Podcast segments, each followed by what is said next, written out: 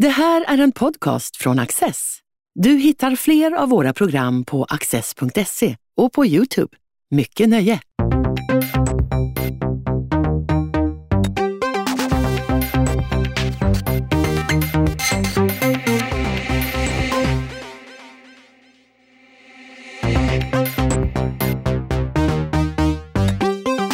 Beslutsalgoritmer kan användas på en mängd olika sätt. Tommy Andersson är professor i nationalekonomi och har skrivit Algoritmmakaren.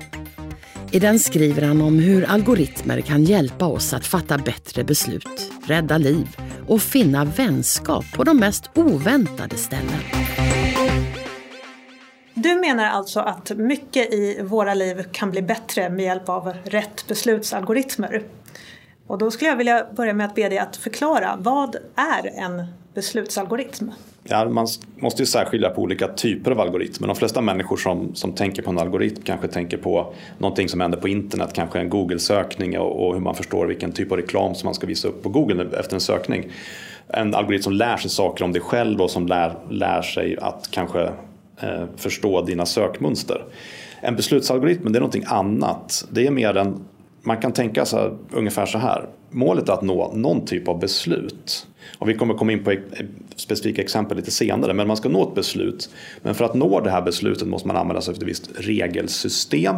Och man måste också använda sig av information som tillhandahålls av människor som påverkas av det här beslutet. Och det låter ju lite, lite konstigt men i princip är det inget svårare än att med hjälp av tillgänglig information och en del information som man ber människor dela med sig av ska man nå någon typ av beslut.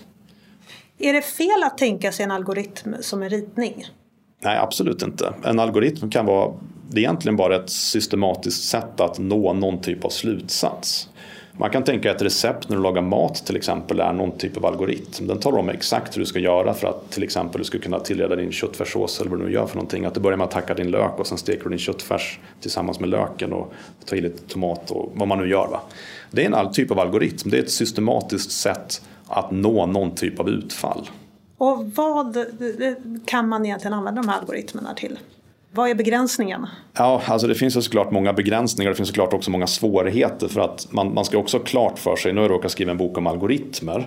Men, men algoritmer kan också gå fullständigt fel ibland och algoritmer som är felutformade kan ta beslut som är direkt felaktiga, ibland direkt farliga. Ibland är det direkt integritetskränkande.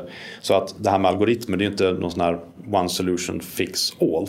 Men det finns däremot en del problem som en dator klarar av mycket bättre att ta än en människa. Och eh, ett sådant exempel som är aktuellt i media hela tiden är det här med skolplatsplaceringar. Man läser hela tiden om, nu har vi sett en stor stad i Västsverige som har haft ett stort haveri med över tusen överklagningar till exempel. Eftersom de besluten som kommunen tog om barns skolplacering visade sig vara direkt felaktiga. Och det, och det, här kommer, det här kommer vi komma in mer på eftersom du har ju faktiskt skrivit om just skolvalen. Mm. Men eh, så låt oss kasta oss in i din eh, bok. Ja. Vi har tre konkreta cases där du har varit delaktig i att ta fram beslutsalgoritmer. Ja. Och då har vi först ut Migrationsverket. Eller ja, migration generellt. Och jag vill också då bara påpeka här att även fast boken är skriven om jag utgår från mig så är det hundratals andra människor som varit inblandade och alla de, eller många av dem namnges i boken. Så att det här är inte, det är inte jag som, allt jag berättar nu, även fast jag kommer använda ordet jag, så är det inte om mig det handlar utan det handlar om alla fantastiska människor som hjälpt till också. Men din fråga, där vi börjar då med migration. Så ett problem som som vi drabbades av här i Europa, eller inte drabbades, det är kanske fel uttryck, men det som hände i Europa år 2015, hösten 2015, att, att det kom en väldigt stor flyktingvåg till oss. Och de här nyanlända flyktingarna som kom var tvungna att placeras i olika länder och inom länder. Och eh, det jag försökte jobba med tillsammans med kollegor runt om i världen det var att försöka förstå Finns det något mer systematiskt sätt att placera de här i ett land, i en specifik region för att man kanske skulle kunna öka deras sannolikhet att de ska få sysselsättning. För hur såg situationen ut när du började titta på det här? Hur placerades de då? Ja, de placeras på exakt samma sätt, i alla fall i Sverige, eh, så, så, då som nu. Att, att, att olika regioner har olika kvoter, det vill säga att de har en att man ska ta emot ett visst antal flyktingar per år. Och sen finns det också en viss lagstiftning som säger att om man är då asylsökande men har jobb på andra ställen så kan man använda något som heter lagen om eget boende för att själv flytta på sig från det stället man initialt blivit placerad. Men, men det finns mig veteligen ingen djupare tanke om, i alla fall i Sverige, var de bör placeras. Utan det är mer att man fyller kvoter egentligen. Det är vad det handlar om. Och då kom någon till dig med en idé? Ja, så var det ju lite grann. Att, att en, en kille som heter Claes Eriksson då kontaktade mig och sa att kan man inte göra det här mer systematiskt? Och jag hade ju inte tänkt på det överhuvudtaget om man ska vara helt ärlig. Utan jag höll på med, med andra projekt. Eh, men han hade en idé och det väckte en tanke. Och det visade sig att den idén han hade den var redan forskare på andra ställen runt om i världen, Australien, USA och England som redan tänkte på, vilket jag inte kände till då. Men, men idén var egentligen ganska enkel.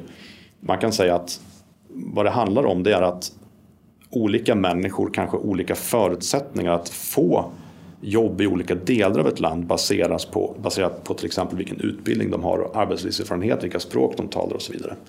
Kan du ge exempel? Ja, men man skulle kunna tänka sig till exempel att om vi bara tar ett väldigt enkelt exempel och, och sådana exempel finns inte i verkligheten. Men säg till exempel att du jobbar inom, du har en erfarenhet och bakgrund i skogsindustrin kanske det är mer naturligt att du blir placerad uppe i, upp i norra Sverige. Men, men det är såklart ett, ett sådant exempel som inte finns i verkligheten. Men det kan vara mer subtila saker man kanske inte tänker på. Att människor med, med viss bakgrund i språk eller med vissa utbildningsinriktningar passar bättre in på olika regionala arbetsmarknader till exempel.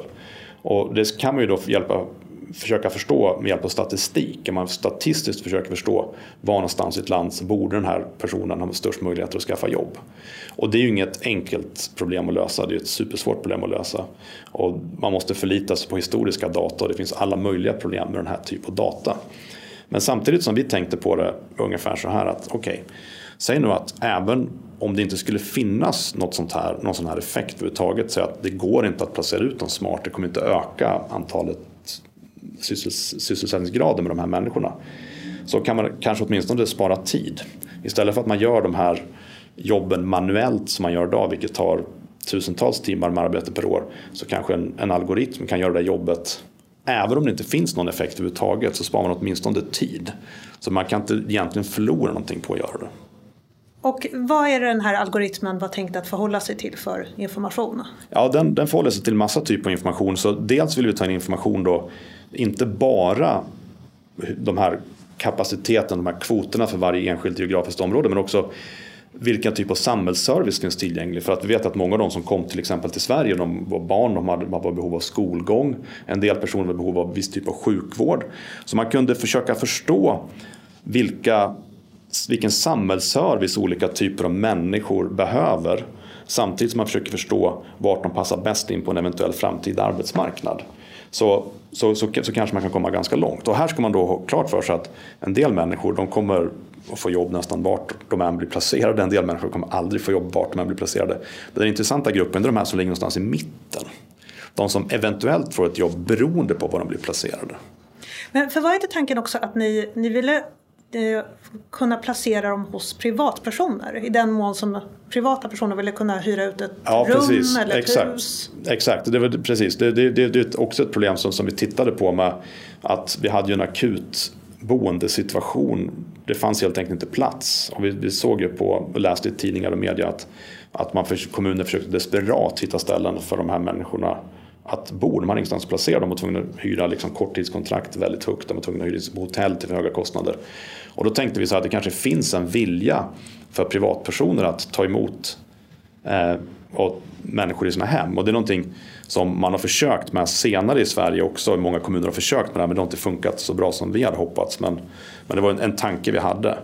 Och det var, vi försökte också bygga system för det så att säga. Hur man skulle kunna registrera sig som eventuellt någon som skulle kunna tänka sig att ta emot någon. Och vi skulle kunna hitta någon matchningsmekanism däremellan. Ja men precis, för då var ju tanken att det skulle, i ena änden så ska man kunna anmäla sig att ah, jag kan tänka mig att hyra ut ett rum eller hus. Mm. Jag har, kan ta emot så här många personer. Exakt. Och ni hade en idé om att det skulle finnas minst ett språk gemensamt. Ja precis, ja, vi, exakt. Vi hade den idén. Vi tänkte att att för att integreras, ett, viktigt sätt är att man har någon att kunna kommunicera med. Och kan man inte prata med varandra så kanske det blir svårare. Så det var, det var en tanke vi hade. Sen den här idén då som var vår, liksom, vår absolut första idé i allt det här. Den visade sig vara som jag skriver i boken tror jag, alltför verklighetsfrånvänd för att den skulle kunna användas i verkligheten. Eh, det fanns inte egentligen något jättestort eh, eh, intresse för privatpersoner att hyra ut sina lägenheter. Det fanns inte ett jättestort intresse från ja, olika typer av kommunala och regionala förvaltningar att anamma den här idén på ett mer systematiskt sätt. Så att det blev ju kan man säga, ja, det, det blev inget bra. Det var en, en första initial idé vi hade men den funkar inte tyvärr. Så att det som hade hänt att även om ni hade kunnat säga att A, person A kommer ha bäst förutsättningar i Västmanland så ja. det, hade, fanns det kanske ingen möjlighet att ta emot person A? Nej precis och framförallt i Sverige fick vi inte ens statistiken eh, för att vi skulle kunna undersöka. För, för att om man ska bygga sådana här system så måste man ha en, en förståelse för vad har hänt rent historiskt och hur skulle vi kunna använda prognoser för att förstå vad som kommer hända i framtiden. Men det förutsätter att man får fatta rätt data och den här datan fick vi inte tag i i Sverige av massa olika anledningar. Det har att göra med hur svensk förvaltning är organiserad, vilka olika ansvarsområden som finns och sådär. Så där kom vi ju ingenstans. Däremot så kommer vi lite längre i, i USA. Ja, hur, ser du, hur gör man där? Alltså där har man ju där för det första, de har ju bara ett system där de tar emot kvotflyktingar. Vilket, vilket gör i Sverige också, men de har inte asylsystemet på samma sätt. Och det är lite mer systematiskt då, för då vet man ju att man ska ta emot ett visst antal och man vet vem som kommer och när de kommer. Och i USA är det också uppbyggt så att det är olika frivilligorganisationer som organiserar hur man ska ta hand om de här kvotflyktingarna. Och de får då in, information om vem som kommer, när de kommer och deras bakgrunder. Vilket var exakt det som vi efterfrågade. Så vi började samarbeta med en organisation där som heter HIAS, Hebrew Immigrant Aid Society. Som tar emot ungefär 5% av alla kvotflyktingar i USA.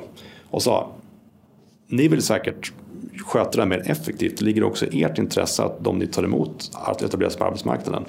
Och i slutändan så mina kollegor i USA och i England eh, fick så bra kontakt så vi fick bygga en mjukvara till dem som de har använt då sedan maj 2018 just för att placera ut flyktingar runt om i USA baserat på deras möjligheter att få anställning och för att de ska kunna hjälpa till att tillhandahålla skolgång och olika typer av sjukvård och sånt där. Så programmet existerar men i Sverige det, använder vi det inte? Vi använder det inte i Sverige men det existerar i USA. Och man ska också ha klart för sig att i USA finns det bättre möjligheter för att fungera för de har mer flexibla arbetsmarknader och, och sådär. Vilket gör det lättare för någon att få en viss typ av anställning. Men om vi ska gå vidare till ett program som faktiskt existerar i Sverige. Det är organdonationsprogrammet. Ja, precis. Vill du ge oss en introduktion? Vad, vad, vad var det för något? Ja, vad det är för någonting? Det kan man säga så här att i Sverige och i många andra länder, alla länder i hela världen faktiskt råder en akut organbrist. Mm. Människor dör, i Sverige dör ungefär en person i veckan på grund av brist på organ. Och eh, det man försöker göra med sådana här organbytesprogram, jag ska alldeles strax förklara vad det innebär, då att man försöker tillvarata organ som finns men som inte används. Och det här var inte jag först med att komma på utan det var en kille som heter Al Roth som fick Nobelpriset 2012. Eh, jag har jobbat med sådana här organbytesprogram i USA och eh, jag ville börja jobba med det här i Sverige och hade turen att komma i kontakt med ett antal väldigt skickliga transplantationskirurger och immunologer för att bygga då ett njurbytesprogram. Och idén här är egentligen ganska enkel. Så säger vi, ta dig och mig som exempel. Så säg att, att du är i behov av en ny njure av någon anledning. Och jag är din vän, jag kan vara din, en nära släkting eller bara en, en kompis som vill hjälpa dig. Och jag vill donera min njure till dig. Så jag, jag vill alltså ge bort min njure som en gåva. Men Problemet är att det finns olika typer av antikroppar och det finns olika typer av blodgrupper och sånt där. Så det gör att inte alla människor kan donera sin njure till vem som helst. Och de här njurebytesprogrammen, vad de då går ut på det är att istället för att jag donerar min njure till dig, för det går inte, vi passar inte ihop. Så donerar jag min njure till någon helt annan person, någon som jag inte känner. Men i utbyte mot att jag gör detta så får du en njure av någon som du inte känner. Som är kompis med någon annan? Som, som är kompis med någon annan som de inte passar ihop med. Men är det lite som en njurpool? Nästan? Ja precis, det blir ju det. Att man registreras i de här programmen. Då. Sen har vi en algoritm som bestämmer för att beroende på Alltså det är massa beslut som måste tas här. Ska man transplantera så många som möjligt? Ska man transplantera de som är mest sjuka? Det finns massa etiska ställningstagande att ta. Och vi använder en algoritm till att göra detta. Som, som jag utvecklade tillsammans med transplantationskirurger, immunologer, njurmedicinare ja, som Per Linner och Lars Wennberg och allt vad de heter, superduktiga människor i den här branschen. För jag kan ju ingenting om transplantationsmedicin så jag är helt i händerna på de här människorna. Eh, som dessutom eh, är väldigt duktiga och skickliga. Så vi byggde ett sånt här program då där människor som vill donera men inte kan donera kan registrera sig. Så har man en databas där de samlas och sen gör man då regelbundna körningar för att se om man kan öka antal, om folk då faktiskt kan transplantera. Och det här funkar ganska bra i Sverige. Så att vi skrev en artikel, jag tillsammans med alla de här duktiga läkarna och, och immunologerna förra, som publicerades för ett tag sedan där vi sa att det senaste årets av alla levande transplantationer som sker i Sverige bland för njurar så ungefär 10 procent av dem på grund av det här njurbytesprogrammet som vi har byggt. Och det här är bara början då. Vi är fortfarande i startfasen så det kommer bli ännu mer framöver hoppas vi. Och vi hoppas framförallt att vi kan exportera det, vilket vi redan har gjort. Så vi vet att nu är Danmark med i Sveriges program. Vi vet att Norge och Finland kommer att komma in här. Ja, så då kan vi byta njurar mellan länder? Mellan länder, precis. Och för det är det som är så fiffigt med det här att ju större marknad, ju större pool man har, desto mer potentiella transplantationer kan man göra. Så egentligen skulle man vilja ha, nu går inte det av andra anledningar, det bästa hade varit att man hade ett njurbytesprogram för hela världen där alla kan delta. Men det finns ju några logistiska problem om man ska skeppa en njure från Sverige till Nya Zeeland. Så, ja, så går precis. Inte kan, vävnaden kanske inte överlever. Nej, de gör inte det. De gör inte det. Så, så, det finns en del logistiska problem. Men, men, i Skandinavien som är ganska litet så funkar det alldeles utmärkt. Jag måste säga att det här organ, organbytesprogrammet är ju bokens stora solskenshistoria. Den är ju full av så här härliga historier som det var en morfar som ville ge sitt barnbarn en njure för att man visste att barnbarnet skulle behöva njuren om många, många år. Men det var för tidigt så då kunde han placera den här njuren i njurpoolen den och så, ja, precis. så Nej, visste det, barnbarnet att det skulle få ett. Ja precis, ja. Nej, men det, det, är också liksom, jag är också väldigt stolt över det här arbetet men framförallt så är jag stolt över svenska transplantationsgemenskapen brett definierat från transplantationsläkare till, till njurkoordinatorer. Alla som har liksom anammat en sån här idé. Och, och nu har jag varit med från första början men det här är ju mest deras verk egentligen. Men jag tycker det är ganska häftigt någonstans att vi kände ju inte varandra överhuvudtaget innan vi råkade stöta på varandra i Göteborg. Och sen sju år senare så har man byggt upp en sån här jättelogistik kring organbyten då snart i hela Skandinavien. Och det är ju superhäftigt och det är bara solskenshistorier. Och som jag brukar säga ibland när de frågar mig om boken, det är en bok om algoritmer. Jag brukar säga nej, det här är en bok om vänskap. För att jag beskriver många av mina, alla i boken är mina vänner, människor jag lärt känna genom sådana här roliga projekt. Som faktiskt slutar då väldigt lyckligt då, till skillnad kanske mot det förra kapitlet som vi pratade om ehm, med immigration och invandring och sådär som inte slutar så lyckligt i Sverige i alla fall. Ja, det finns fortfarande hopp för framtiden. Det finns fortfarande hopp för framtiden och, och det är därför kapitlet också heter Tro. Jag avslutar ja, just det, med att jag vill... kapitlet heter Tro, hopp och kärlek. Ja, det här är kärlekskapitlet med njurarna. För ja, det, är, det... det är den största kärlekshandling man kan göra, att donera ett organ till någon annan. Men just det, för eh, en njure kan man ju, man kan ju ge bort en njure och fortfarande ja. klara sig. Hur är det med lungor? Ja, man kan faktiskt donera delar av lungar, lungor och, och lever också faktiskt. Ja, nu kommer jag nästan in på medicinska frågor till ja, dig, nationalekonom som du är. Ja, men det, det, det är faktiskt beskrivet i boken mm. också hur man skulle kunna bygga liknande program för, för lunga och lever. Här ska man då klart för sig att det finns en mycket mindre efterfrågan på den typ av organ eftersom det är mycket mindre transplantationer i de här för de organen, njure är det organ som transplanteras mest och det är mest efterfrågan på. Men om man skulle vilja, som mina kompisar eh, Taifun Sunmet och Utgunmer till exempel som var med och byggde det första njurbytesprogrammet i USA. De har nu byggt ett leverbytesprogram i Turkiet, det är världens första. Och jag tror det är på gång i Japan också, det har varit kul att göra någonting här i, i Skandinavien. Vi får väl se vad, eh, vad som händer i framtiden. Jag hoppas ju att jag menar, även om det bara blir säg, två liv per år så är det ändå två liv. Två liv är ändå två liv. Ja, det är två liv liksom. Men vi går raskt vidare ja. till det kanske mest aktuella ämnet då, skolvalet. Ja. För där finns det ju mycket att göra har jag förstått. Ja, det finns massor att göra. Hur ser läget ut idag ska vi börja med? Ja, vi börjar med att idag har vi en gammal lagstiftning kring skolval som är från, jag tror 92 eller 94 någonstans början på 90-talet. Som är väldigt imprecis, som inte går att tolka egentligen vad man menar med ett fritt skolval. Och det här har då öppnat upp för massa konstiga tolkningar och det har också öppnat upp för systematiska felaktigheter i det svenska skolvalet vilket nu regeringen försöker rätta till. Det har kommit en ny utredning av Björn Åstrand eh, där de försöker titta mer på hur man skulle kunna mer systematiskt sköta det svenska skolvalet. Och det är också mycket glädjande att att de också föreslår att man ska kunna använda sig av beslutsalgoritmer för att göra det på ett mer systematiskt sätt. Men är det så att det i vissa fall så används ju någon typ av beslut. Ja, det gör ju det. Alltså, man ska säga så här, i Sverige finns 290 kommuner. I många av de här kommunerna är ganska antingen inte glesbefolkade eller ganska små så de behöver inte använda, det finns en skola där barnet kan gå, det är den som ligger närmast. Så, och där är det inget problem, där behöver man inte komplicera saker och ting mer än nödvändigt. Eh, men det finns ganska många kommuner där det är ganska bökigt att få ihop det här med skolvalet. Och det har att göra med att en del skolor är översökta. Alltså det är fler elever som vill gå på skolan men det finns skolplatser. Och då måste man använda någon typ av systematiskt beslut för att bestämma vem som har bäst rätt till de här skolplatserna. Men som lagen är utformad idag så är den inte utformad på ett optimalt sätt. Men det som är då bra är att det finns en del kommuner som faktiskt tänker väldigt klart kring det här. Eh, jag brukar aldrig nämna för att peka ut kommuner eh, i olika sammanhang men låt mig då lämna Lund eftersom det är en solskenshistoria som har gått från ett skolval som inte fungerade, det var inte transparent, det var inte rättssäkert, det tog lång tid, föräldrarna var missnöjda. Men efter att man har då implementerat en mer systematiskt tänk kring just skolvalet, hur man samlar in information om avstånd, hur man låter en algoritm avgöra skolvalen och sådär så har det blivit transparent, det har blivit rättssäkert och alla de här sakerna som man vill att myndighetsbeslut ska vara. Men klarar ett program av att mäta avstånd bara fågelvägen eller är det det faktiska avståndet? Nej, man, man, kan mäta avstånd på i, I Lunds kommun har de gjort ett jättejobb med att förstå liksom gångvägar och sånt där. Och det, med, med gångväg kan man ju faktiskt mät, räkna ut, även med hjälp av såna här, liksom Google Maps och den här typen av verktyg, så går det att få ut gångvägar.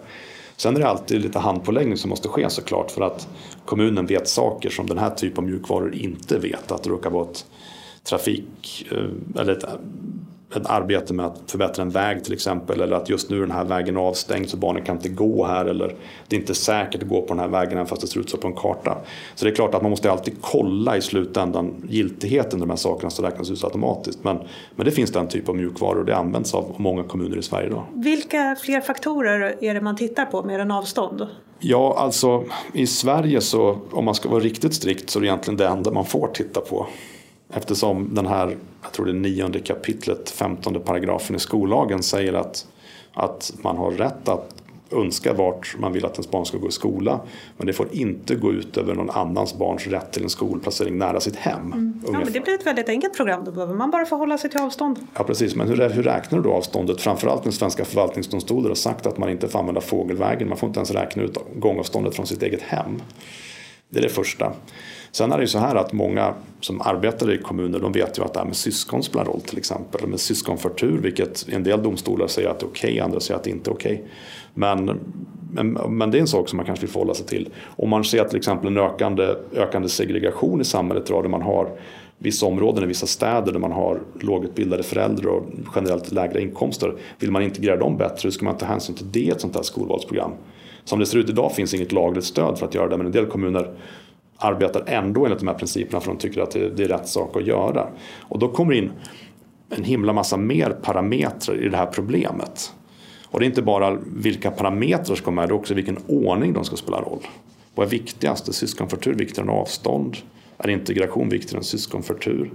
Hur definierar vi ens avstånd? Hur definierar vi ens att någon kommer från ett område där man tycker att de ska ha speciella skäl att få förtur till vissa skolor? Det är massor av den här typen av saker som, som kommer ut. Och då måste man tänka på det här väldigt systematiskt. Och när man programmerar upp en algoritm så måste man vara systematisk för att den är systematisk per definition. Den förstår bara en korrekt formaterad input och den kan ge dig en, en output som, som du efterfrågar. Och så det, det är en annan fördel med att använda algoritmer, inte bara att det går snabbt utan också att man måste faktiskt tänka igenom vilka är våra exakta regler. Man kan inte kolla på ett Excel-ark och men det är nog så här. Nej, det måste vara exakt så Man kan här. inte sitta där och tycka synd om en person och släppa förbi den. Nej, det liksom. går, det går liksom inte. För att framförallt är det liksom ingen rättssäkerhet. Det är ingen transparens mot föräldrarna. Eh, men algoritmen den är ju helt känslolös. Där. Men det låter som att eh, egentligen det stora problemet för dig i fråga om den här algoritmen det är egentligen lagstiftningen. Ja, men sen kan man använda, när man väl har förstått den informationen så kan man använda den på olika sätt. Ah. Eh, så det finns ju, i min bok beskriver jag två stycken sätt att göra det på. Det, det är en algoritm som, som i forskningslitteraturen kallas för deferred acceptance. som gav Shapley-Roth Nobelpriset 2012. Eh, sen finns det andra algoritmer som används på andra ställen i världen och en del av dem de är, liksom fullt, de är förbjudna. För de, här, de skapar så mycket strategiska incitament. För det vill man också undvika att välinformerade föräldrar ska, genom att rapportera skolor, skolrangordning till exempel strategiskt ska kunna införskaffas vissa fördelar i ett skolval. Och genom att designa algoritmen på ett smart sätt så kan man då visa att den bästa strategin som förälder är att faktiskt rangordna skolorna i den sanna ordningen. Och, då, och det, det, är också bra för föräldrar att de slipper fundera på men om jag, om jag inte rangordnar den här som etta och istället tar den här som etta kommer det öka mina chanser att komma in här och där. Men om man då kan säga till föräldrarna att det går att bevisa att oavsett vad alla andra föräldrar i hela stan gör så det bästa du kan göra är att rapportera din sanna rangordning. Och det är klart inte lätt att bevisa rent matematiskt att så är fallet men det går att bevisa med många av de här algoritmerna som används. Bland annat den som vi hjälper till att implementera här runt om i Sverige. Det här är ju otroligt intressant och det öppnar ju en helt ny värld av tankar om var man skulle kunna använda de här programmen som du talar om. Jag vet att du har varit inne på att man skulle till exempel kunna nu i covid-tider att placera folk i respiratorer med hjälp mm. av Ja, precis. Ja, det... Att vem som får tillgång till respirator. Och, in. och jag önskar att vi hade haft mer tid att prata om det men jag har en slutfråga att ställa ja. till dig. Och det är under ditt arbete med den här boken, vad är det enskilt mest intressanta du har kommit fram till? Att kloka människor och ambitiösa människor som faktiskt lyssnar på varandra och hör vad man har att säga kan åstadkomma ganska coola saker tillsammans. Även om man från början inte känner varandra. Och jag tror det är en sån här allmän lärdom vi ser hur dagens samhälle utvecklas idag. Med, man, har, man har inte riktigt tid att lyssna på varandra. Man är mer intresserad av att övertyga den andra om att den har fel än att förstå den andras argument. Och jag tycker den här boken är ett alldeles utmärkt bevis på att genom att lyssna på varandra, även om man inte förstår varandra från början, kan man lära sig förstå varandra. Och tillsammans kan man göra rätt häftiga grejer som faktiskt leder till en bättre välfärd för, för många människor i samhället. Tack så mycket Tommy Andersson för att du ville komma hit. Tack snälla för att jag fick komma.